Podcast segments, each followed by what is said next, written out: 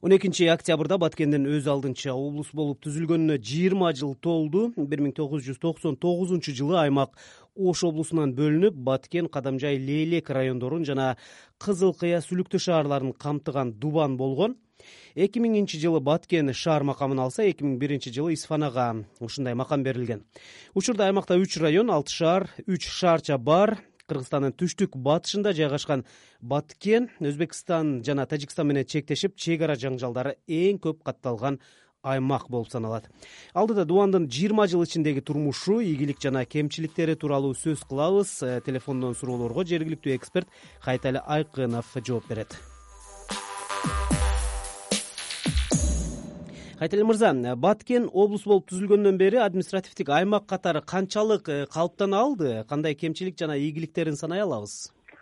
Негизи э, бул аймак область болуп түзүлүшүнө себеп болгон э, борбордон алыс болуп экономикалык жактан артта калган аймак болуп эсептелген. Анан ошол мезгилде чек ара маселелери эми эле башталып күтүлбөгөн жерден сакалчан эмелер келип кол баткен болгон албетте эми эчтеке болбоду деп айтканга болбойт. Мисалы үчүн э, жол курулду. Ошол э, азыр бүтүп атат эми ушул кызыл кыядан исфанага чейин анан нары кулумдуга чейин бүтө элек бирок эми курулуп атат. Бир топ мектептер жаңы мектептердин жаңы имараттары курулду. Бүгүнкү абал кандай? Башында коюлган максаттар канчалык аткарылды? Мисалы үчүн экономикалык жактан өнүгүп кеткен жери жок бир өндүрүш курулуп башка эме болуп э, бир э, жумуш орду түзүлүп эметкен э, жок эс эле кен байлыктарыбыз көп. Республика боюнча эң кен байлыгы көп аймак область болуп эсептелет. Бирок алар аларды ишке иштетүүдө ар кандай катачылыктар кетип аймакты өнүктүрүүгө пайдасы тийбей атат тескерисинче алар дагы проблема түзүлүп атат.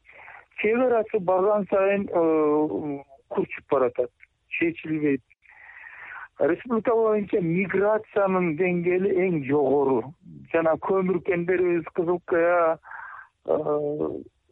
сүлүктүдөгү көмүр кендерибиз баягы мурдагыдай бир өндүрүш Э, жакшы эмес тескерисинче бир жапайы эметип ар ким эметип алар э, жакшы натыйжа бербей жатат.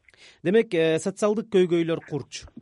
Бир нерсени айтып коеюн ушу жыйырма жылдан бери баткен райондук администрациясы өзүнүн имараты жок арендада отурат. Учурда ижарада турабы азыр деле мамлекеттик бийлик өзү ошондой абалда турса билбейм муну кандай үмүт болотун баткен шаары ушул күнгө чейин эми областтын борбору болуп туруп ушул күнгө чейин жанагындай мезгил мезгил менен суу ичет. Жыйырма төрт саат э, суу иче албайт. Э, саат менен график менен бөлүп койгон ушул бир квартал кварталды бөлүп бөлүп ошентип э, таза суу ичет.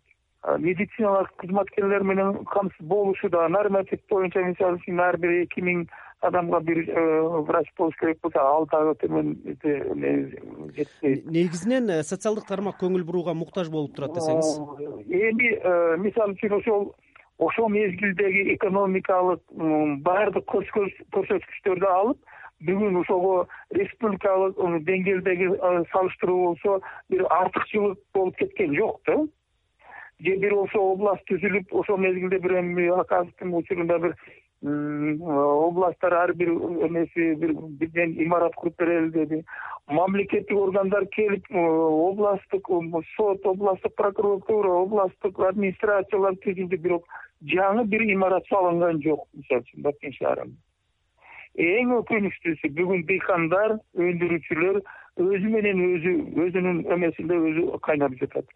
Же бир э, кайра иштетүүчү бир цехти алыш өтө кыйын э, бир аракет кылып өрүктү кайта иштете турган эмелерди аракет кылышат бирок каражаттын жоктугуна байланыштуу алар дагы жарым жартылай болуп кыскасы ошо өндүрүлгөн эми негизи айыл чарбасында өндүрүлгөн бир э, эмелерибизди дагы толук кандуу сатып эл өзүнө мындай өнүгүү өсүшүнө аймактын өнүп өсүшүнө жакшы таасир бербейби кайтели мырза экономикалык жактан көңүл бурулушу керек болуп турган маселелерге да токтололу. Баткен десе өрүк өндүрүп экспорт кылууну эле көп сүйлөйт эмеспизби андан тышкары кендер бар.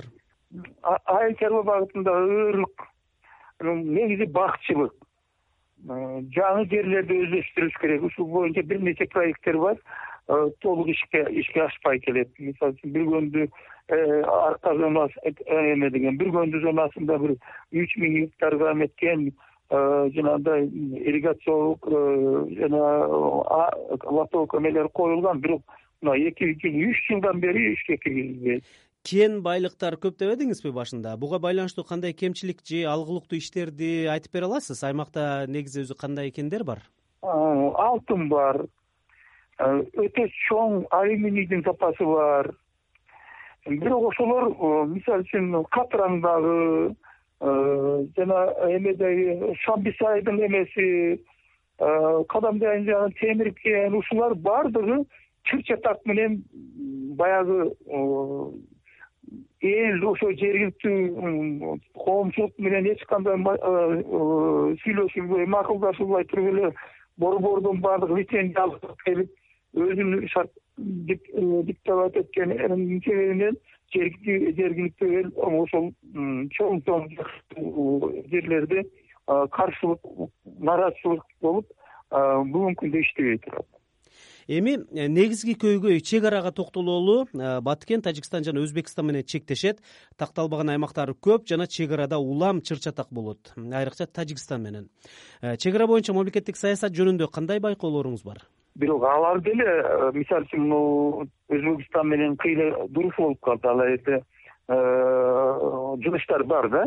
Тажикстан менен канча чыр чатактар чыккан сайын ошо чыр чатакты гана токтотуп коюп эки тараптын жетекчилери келип чыр чатакты эле токтотуп а ошол проблеманын өзүн чечүү боюнча бир мындай көрүнө турган бир эчтеке болбой атат ушундан улам э, мамлекеттик чек ара кызматын баткенге же ошко көчүрүш керек деген пикирлер айтылып жүрбөйбү? Буга канчалык муктаждык бар? Чек ара кызматынын полномочиясы бар.